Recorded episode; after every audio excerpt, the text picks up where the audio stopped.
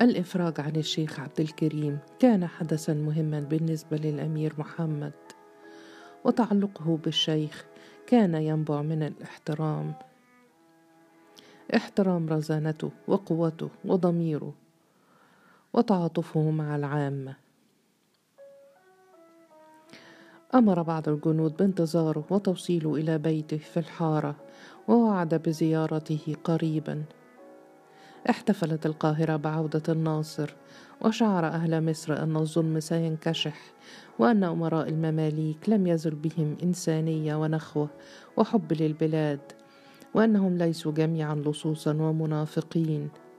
فيهم أصحاب المبادئ وفيهم من يخاف على هذا البلد بإخلاص. زينت الشوارع بالقناديل والأوراق الملونة وخرجت النساء والرجال والأطفال ينتظرون مرور السلطان الأعرج العائد إلى البلاد في ذهبيته على ضفاف النيل. عمت الفرحة كل مصر. وأنجبت زينب طفلا سمته أبا بكر. سمته على اسم والدها الذي أعطاها كل الحب والثقة والذي لا تستطيع نسيانه أبدا. وبدا أن الحياة تسير على أكمل وجه. المظاليم خارج السجون وأمراء المماليك المغتصبون في السجون بدلا منهم. والسلطان وعد بأن يحارب الفساد ويحد من الضرائب ويستمع إلى شكوى العامة كل يوم اثنين بنفسه. وفي غضون شهر فقط أصبحت بلاد النيل جنة بالنسبة لأهلها. ومكانا يزوره كل رحالة وكل عالم وتفاءل المصريون فليس لهم خيار آخر. لم يزل محمد يفكر فيما طلبه منه السلطان. جلس ينظر إلى زوجته وهي ترضع ابنهما ثم قال السلطان طلب مني أن أصبح نائبه ما رأيك؟ أذهلها طلبه رأيها مباشرة لم يفعل هذا من قبل. نظرت إليه وقالت ما رأيك أنت؟ قال لا أعرف. قالت في تأكيد بل تعرف. قال ماذا تبغين يا زينب؟ قالت في قوة أرفض. فقال لماذا؟ قالت محمد السلطان ناصر لن يثق ابدا في المماليك. خانوه من قبل مرة ومرات لن يثق بهم طوال عمره. يتحملهم لأنه لا بد أن يتحملهم ولكنه سيفتك بأي رجل يشك فيه أو يذيع صيته. هو رجل متمرس الآن بعد كل ما حدث له ويتسم بالدهاء. لا يتصرف سريعا لكنه ينتظر الفرصة ليتخلص من أمير تلو الآخر لو استطاع. وخاصة من يقفون ضده أو من يذهب بين الناس صيتهم. تفهمني؟ صمت برهة فأكملت. تعرف أنني على صواب. أخاف عليك. العامة تحبك وتتكلم عنك بكل خير. مشهور عنك العدل. ولو وجد السلطان أن نائبه محبوب سيقضي عليه. ولن تشفع له صداقة ولا ذكريات طفولة. في الحكم الخيانة واجب والخداع فريضة. لا تفعل يا محمد. ظل ساكنا ولم ينطق. نظرت إليه ولم تكن متأكدة من منطقها ولم تكن تعرف هل تأكيدها. على الرفض جاء نتيجة خوفها عليه من السلطان أم من السلطة. فلو أصبح زوجها نائبا للسلطان لا بد أن يتزوج غيرها واحدة واثنين وثلاثة. ولن تستطيع أن تمنعه أو حتى تراه. اختلطت الأمور عليها فلم تعد متأكدة من سبب اعطائه النصيحة. وهل النصيحة نابعة من أنانية وخوف على نفسها أم عليه أم على الاثنين معا؟ نظر إليها من جديد وهي تهز طفلهما لينام ولم يتكلم. وفي الصباح رفض المنصب في رفق. وقال للسلطان إنه يفضل أن يعمل بعيدا عن المناصب. وفي اليوم نفسه ذهب لزيارة عبد الكريم في بيته فاستقبله عبد الكريم بالترحاب والإحترام. جلس محمد أمامه وقال أريد أن أبني وقفا وأقتطع وأقتطع جزءا منه لك أنت ومن بعدك أولادك. تعلم ابنك ليصبح من العلماء أليس كذلك؟ قال عبد الكريم كرمك يخجلني يا مولاي الأمير. قال محمد أريدك أن تخط لي مصحفا وترصعه بالذهب هدية لزوجتي. أريده غير كل المصاحف في مصر. فقال هذا يحتاج إلى وقت. فقال الأمير لا يهمني الوقت أصبر. فقال الشيخ سنين ربما ليخرج ليخرج تحفة فنية. فقال له أثق بك وبقدرتك وأنتظر. سكت محمد برهة ثم قال يقلقني أمر الأعراب لا يحبون الأنظمة ولا يقدرون السلطان ما رأيك فيهم؟ فقال له جئت تطلب نصيحة رجل مجهول مثلي. قال الأمير جئت أطلب نصيحة رجل وقف في وجه الظلم ولم يخاف من ظلمات الجب القلعة ولا خفافيش السجن.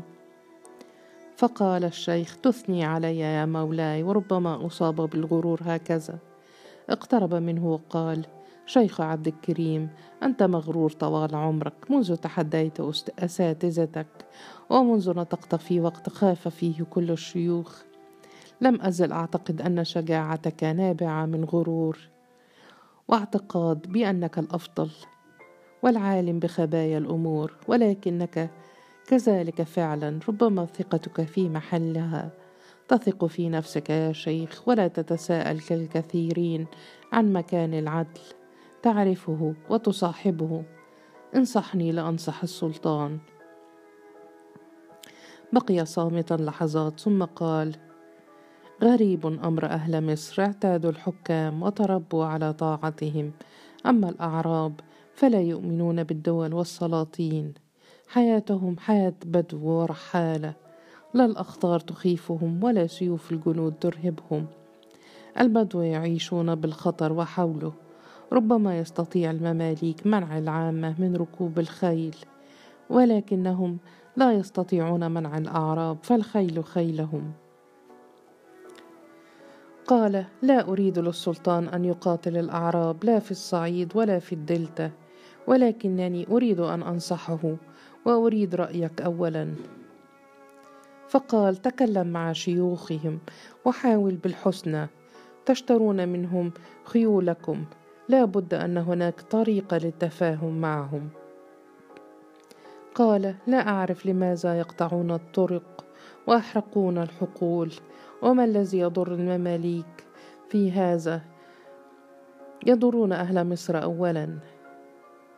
قال الشيخ والمماليك يا مولاي فالمماليك يأتون بشرعيتهم من حماية أهل مصر. ولو فشلوا في حمايتهم فربما فقد أهل مصر احترامهم للمماليك. بقي محمد ساكنا ثم قال لا بد من التفاوض إذن. فقال الشيخ شيوخهم مفتاح الحل معهم. قال الأمير شيخ عبد الكريم لم أزل أخاف عليك ولكن حظك السعيد أن السلطان الناصر محمد عادل وحكيم أتمنى أن يبقى في الحكم من أجل مصر ومن أجلك أنت.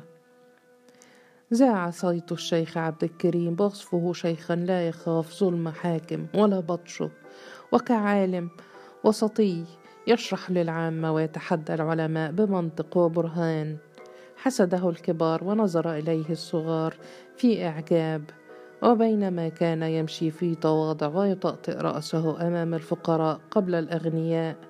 لم تكن نفسه متواضعة. وكان يشعر أنه أعلم وأحكم من الكثيرين.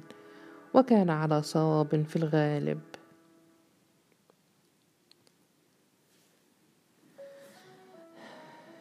مأساة يوسف بعد ضياع زينب منه كانت حديث الغرباء والأقارب. فقد كان يحلم بيوم تنام بين ذراعيه وتصبح له ويشكر حظه ودنياه التي أعطته زينب ولا يريد غيرها. كان قليل الطموح خجولا بطبعه. يضحك على نكات أهل مصر التي تنتقد المماليك ويشاهد خيال الظل ويفهم تلميحاته ويستمتع بها. ولكنه لم يكن بطبعه ثائرا ولم يكن يحلم. سوى ببيت صغير مع زينب وأن يرث خان أبيه ويستمر في العمل في الحارة ومع أصدقائه الذين يعرفهم جيدا. وبين أركان الحارة التي نشأ فيها طوال عمره. وكان يعتقد أن في الأمان الخير وفي المجازفة كل الشرور. ولكن عندما خطف المملوك حلم عمره كله وسجنه وأذله ظلما تغير حاله كثيرا في البداية. كان قد عزم أمره أن الشدة ستزول وأن زينب ستعود له وأن السلطان سينصفه. وعندما رأى زينب وعينيها المنكسرتين كان متأكدا من أنها تتعزم مع الأمير وآلمه عجزه عن المواجهة. أو إعادة حقه. كان يتمنى أن تطلب مساعدته أن تؤكد له أنها لن تنساه ولكنها لم تفعل. خياله الخصب صور له حياتها التعيسة بين سجون المماليك والضرب بالصوت والاغتصاب اليومي ولم يكن يجرؤ على طلب حقه علنا. وكان يعرف أن نتيجة هذا هو الاختفاء في جب القلعة. الصبر والإحباط يسيطران على ما تبقى من أيامه وهو يفكر في طريقة لمحاربة المماليك دون الموت المحقق. وقرر بعد عام الرحيل عن الحارة وترك أركانها الآمنة ولكن كان يود قبل كل شيء أن يمر على الشيخ عبد الكريم الذي باع نفسه للمملوك ولم يقل كلمة الحق. الغضب داخله لم يكن يستطيع سكبه على الأمير ولا المماليك ولكنه لا بد أن يسكبه على العلماء فهم من سمحوا لهم بالظلم ومن أعطوهم الفتوى الخونة المنافقون هكذا كان يراهم.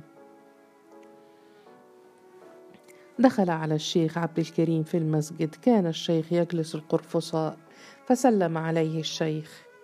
لم يرد له السلام. قال في غضب لا تتكلم مع ربك فلن يتقبل منك.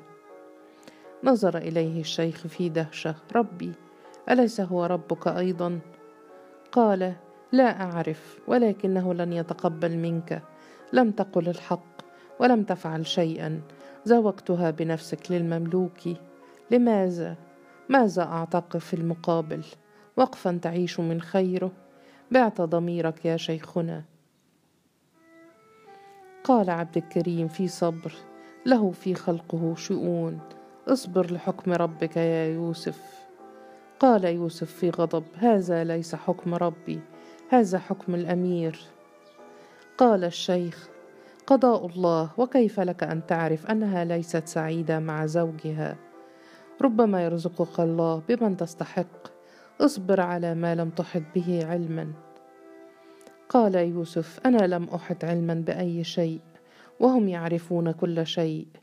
جعلتموهم آلهة وعبدتموهم يا منافقون.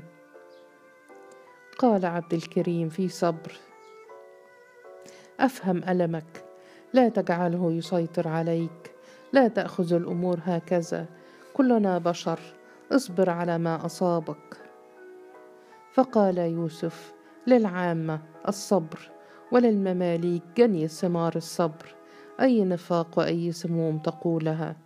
كنت تعرف أنها لا تريده وزوجتها له. لم تعترض ولم تخبره. قال الشيخ وإذا أخبرته كان سيقتلك ويتزوجها. لا بد أن تختار معاركك وتعرف عدوك وتحاول أن تهديه. الأمير محمد ليس بهذا السوء. قال يوسف هو شيطان كسيده عبد قبقيتهم. فقال الشيخ ولكنه أنقذك من ذل الصليبيين والتتار. قال يوسف أنقذني من ذل التتار ليذلني هو كيفما يشاء. يوما سأقتله أعدك بهذا. قال الشيخ لا تكن عبدا لأهوائك. قتله يغضب الله ستقتل نفسا بغير نفس. قال بل بنفسين أنا وزينب. قال الشيخ يوسف لا أعتقد أنها قد قتلت. أراها انجبت له الولد وستنجب الثاني هي ليست امرأة حزينة كما تظن. فقال يوسف أرغمها على معاشرته واغتصبها ضحت بنفسها من أجلي. فقال الشيخ وربما تعيش معه برغبتها وباختيارها. انسها واستمر للحروب قواعد لا تلقي بنفسك إلى التهلكة. قال يوسف في التهكم أريد أن أسألك يا شيخ وأطلب فتواك. في السجن دعوت للأمير والجندي. يضع السيف على عنقي والسكين على طرف لساني. هل سيستجيب ربك لهذا الدعاء؟ قال عبد الكريم في ثبات. الدعاء لا بد أن يخرج من القلب. لو خرج من قلبك وأنت تعرف أكثر مني اذا كان قد خرج من قلبك. قال يوسف خرج من قلبي يا شيخ لأنني أريد العيش. فقال الشيخ ربك أعلم بالنوايا والقلوب. تسألني أسئلة فوق مقدرتي ليس لي أن أجيبك. قال يوسف ولكنك تدعو له كل يوم أليس كذلك؟ لماذا؟ لأنه يسلط سيفا على رقبتك أم يغرقك بالعطايا. اختلط الفساد بالورع وأصبح رجال الدين رجال النفاق والكذب. قال الشيخ يكذب الإنسان ويخطئ ولا يضر الدين. لا تزج بربك الكامل في أفعال كلها نتيجة نقصان البشر. لو علم ربك في الإنسان خيرا كاملا لا يشوبه السوء لا أبقاه في الجنة أو نشر ملائكته في الأرض وهم يمشون مطمئنين ولكنه لم يفعل. قال يوسف المماليك هم كل السوء ومن يجابيهم هم منافقون وكاذبون. من بين كل أهل مصر هناك من يستطيع محاربة المماليك والانتصار عليهم. قال الشيخ ولم الانتصار على المسلمون وعدونا يعبث في البلاد المجاورة. قال يوسف لا يستطيع محاربة المماليك سوى الأعراب. تأمله عبد الكريم ثم قال قاطعوا طرق ومجرمون يحرقون الزرع ويسرقون الماشية. كيف تفكر؟ عندما تشيع الفوضى سيكونون أول من يظلمك. وأقضي عليك. ليس لهم ولاء ولا نظام. كل شيء مباح عندهم. فقال يوسف ويكأنك تتكلم عن المماليك. قال الشيخ بل عن الأعراب. اقرأ كتاب الله حتى لا يختلط الأمر عليك. الخراب لا يبني والفوضى لا تشيد المجد. قال يوسف اسأل نفسك يا شيخ لماذا يحتاج المماليك لدعاء الأسير العاجز بين حوائط السجون ومنابر المساجد؟ لو كانت كل القوة بين أيديهم لما حللوا طغيانهم وظلمهم. ولما لجأوا للشيوخ ليناموا ليلا بضمير سليم. هل سألت نفسك يوما؟ لا بأس. ابقي أنت يا شيخ تحيا حول مجد المماليك وسأنضم أنا للأعراب.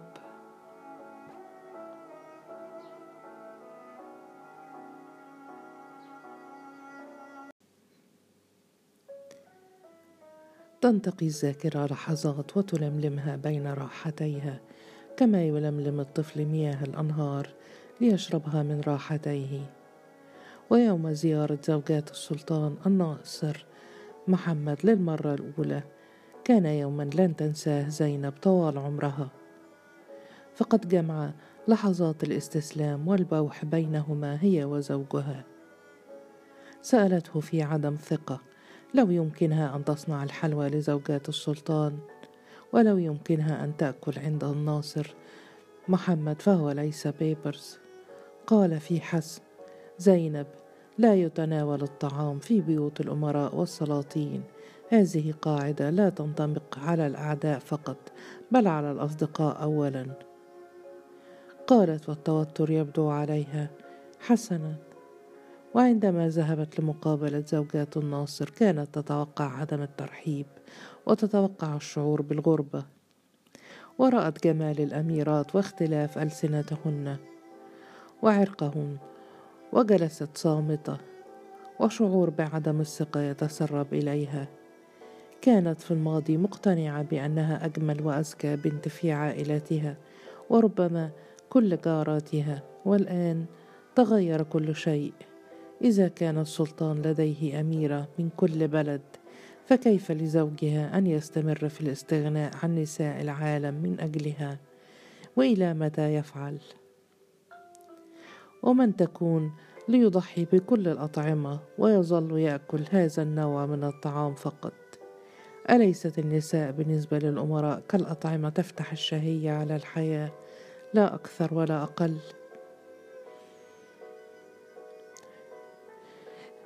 بل لمحت لها الزوجات بحماقة الأمير في عدم البحث عن ابنه ابنة أمير من المماليك ليضمن إخلاص الأصدقاء وينام مطمئنا أن هناك أمراء موالين له للأبد.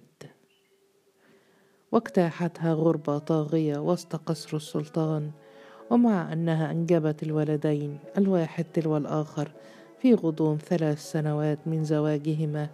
ومع أنها شعرت بالإطمئنان والزهو من إنجاب الذكور وتوطيد سلالة الأمير وخلق عائلة لها وله وحوله.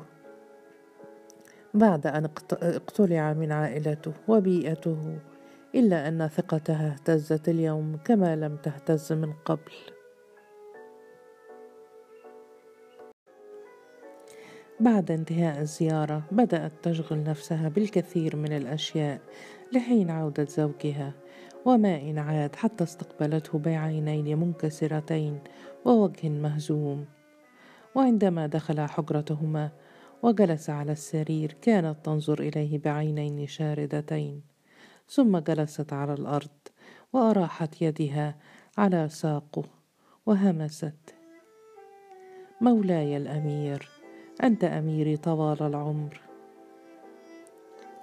نظر إليها في دهشة ولم يرها بهذا الانكسار من قبل قط حتى وهي تطلب عفوه بعد المكوس في السجن ولم يفهم في البداية ما يجول بخاطرها.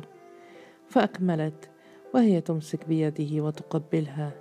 لم أكن أحلم بالزواج منك ليس لأنك أمير من المماليك ولكن لأنك أميري أنا. نظرت له في انبهار وكأنه من عالم غير عالمها وكأنه ساحر يملك كل كنوز الأرض. وأذهلته باستسلامها ورضوخها. قال في هدوء ماذا حدث في زيارة زوجات السلطان؟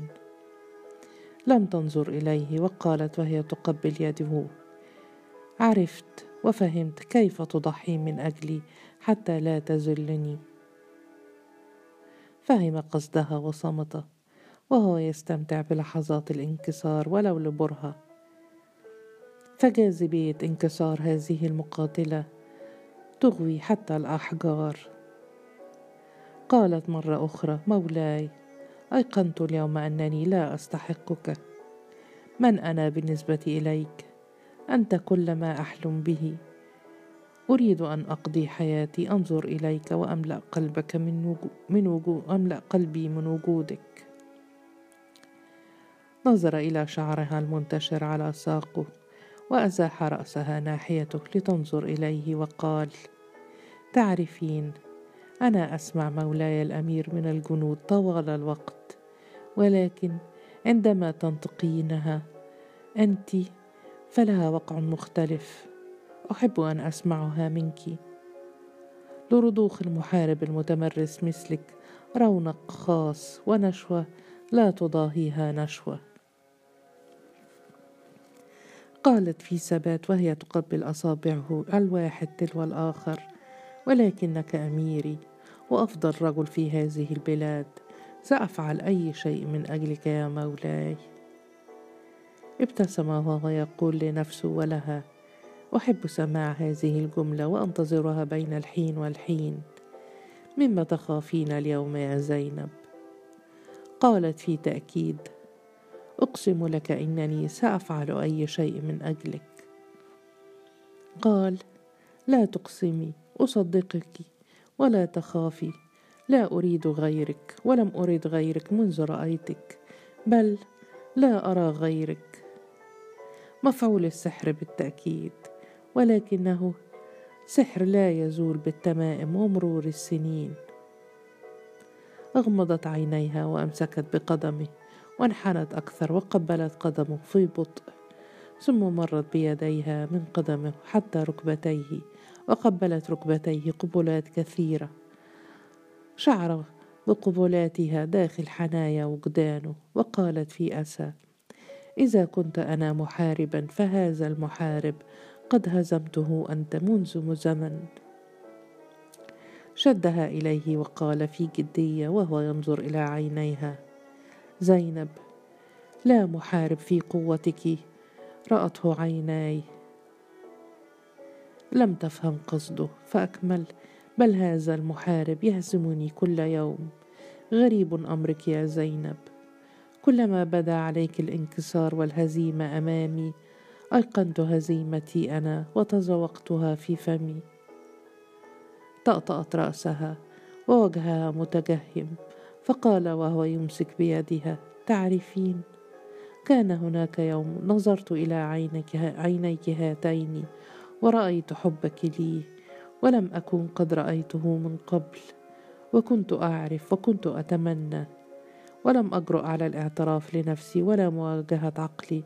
بالطبق الصبياني لنظرات الحب في أعماقك. وعندما رأيتها ظننت أنني انتصرت وفزت ووصلت وأن الأرض لي بحرثها.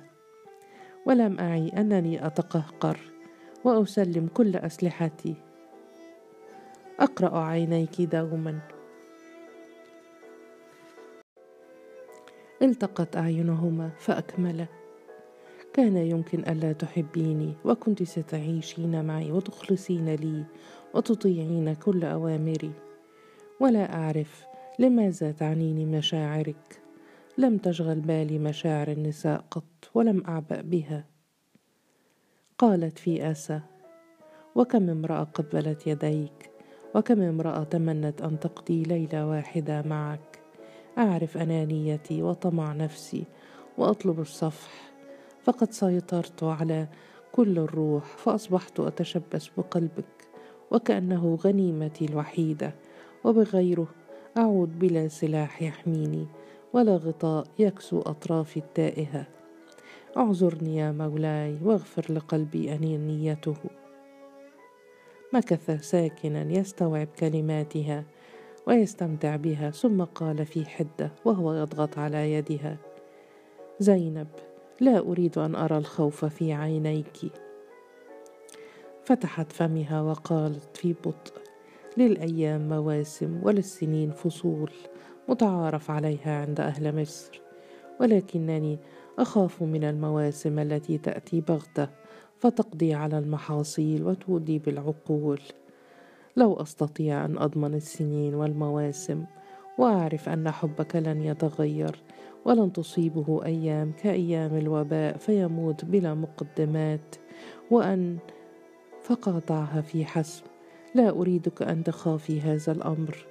قلت لك لا أريد امراه غيرك ولن أريد غيرك. انحنت وقبلت ركبتيه من جديد وقالت مولاي وزوجي وحبيبي. ثم احتضنت ساقيه ونامت عليهما ومكثت في صمت. فقال وكأنه يتكلم مع نفسه تعلمت وأنا صغير أن المعارك تدار بالإرادة والفراسة ولكن الإرادة لا تصمد أمام التعذيب والبتر. لا أحد يصمد للأبد أمام التعذيب حتى لو كان كاهنا وعابدا. ولا أحد يستطيع أن يمنع نفسه من الرجاء. لحظات البتر. غريب أمر الإنسان ضعيف وكسره سهل وممكن وإرغامه على أي شيء جائز. إرغامه على الموت والرجاء والاعتراف والاستسلام. ولكن من المستحيل إرغامه على الحب. بقيت محيطة ساقيه بذراعيها وهي لا تفهم ما يقصد فأكمل وهو يمر بأصابعه على شعرها. أتعرفين لماذا لا تستطيعين إرغام النفس على الحب؟ لأنك تحتاجين كل نفسك لتحبي حبا حقيقيا. هكذا قالت زوجتي. تتذكرين يا زينب كنت تقولين في الحب لا يوجد مراتب أما أن تحب بكل نفسك وإما لا تحب. رددت وهي تقبل فخذيه وركبتيه وتحتضن ساقيه أكثر. إما أن تحب بكل نفسك وإما لا تحب.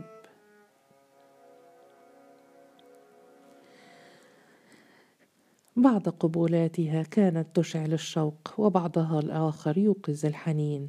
ولكن هذه القبلات الممتزجة بالإستسلام التام والخوف على الغنائم. ما لبث أن تسربت إلى سلاسه تسربت في سلاسه إلى شرايين وجوده وفتتت إرادته وتمنى ألا تدرك مدى تدحرج فؤاده ومدى شغفه الذي لم يستطع يوما أن يدرك أسبابه ولا أن يحيط حدوده. أكمل وهو ينظر إلى خصلة من شعرها بين يديه من الممكن تعذيب الجسد وقتله. ولكن السيطرة على النفس صعب. كسر إرادة النفس جائز ولكن فرض الحب عليها مستحيل. ولو لم تحبيني كان يمكن الا تحبيني. همست في شيء من الحزن. محمد لا يمكن لأي امرأة ألا تحبك. قال في ثبات وهو يمسك بيدها وهي لم تزل تخبئ رأسها على ساقيه. أن تحبي بكل نفسك يا زينب يعني الهزيمة إلى أبد الآبدين ولا مفر منها. تفهمين؟ هزت رأسها بالإيجاب في أسى فأكمل وهو ينظر إلى يدها في يده. تعرفين هزيمتي الآن؟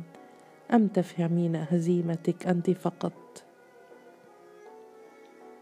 لم تكن تستطيع أن تنظر إلى عينيه في تلك اللحظة. وكانت تعرف أن هذه اللحظات ستبقى في الذاكرة إلى الأبد وأنهما لن يتكلما عنها مرة أخرى ابدا. ولن يواجه أي منهما الآخر بكل الضعف والاستسلام الآن وسوف يتنصلان من البوح والهوان. أبقت رأسها على ساقيه بلا كلمة وهي لا تعرف كيف تبقى على هذه الذكريات حقيقة وحية بداخلها إلى يوم موتها.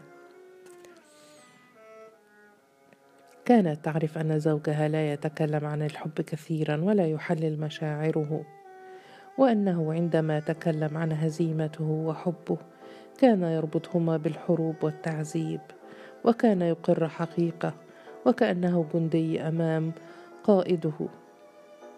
يعرف حجم خسارته وحجم انتصاراته. أحاط خصرها ثم حملها فاستقرت فوق صدره وشهقت من وهل المفاجأة وطوقت عنقه وهمست اسمه في لوم. ثم قالت وهي تحاول أن تطوي اللحظات وتبقيها إلى الأبد.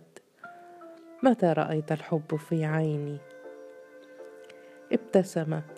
ومر بكفه على وجنتها وقال للجنود أسرار في غزواتهم كما تعرفين.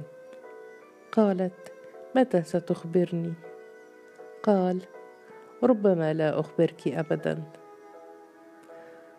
ضربت كتفه بأصابعها في رقة وقالت في توعد محمد. فقال أين الانكسار والهزيمة؟ ولم اختفيا سريعا؟ كنت أريد أن أشعر أن أست... كنت أريد الاستمتاع بهذه اللحظات أكثر من هذا.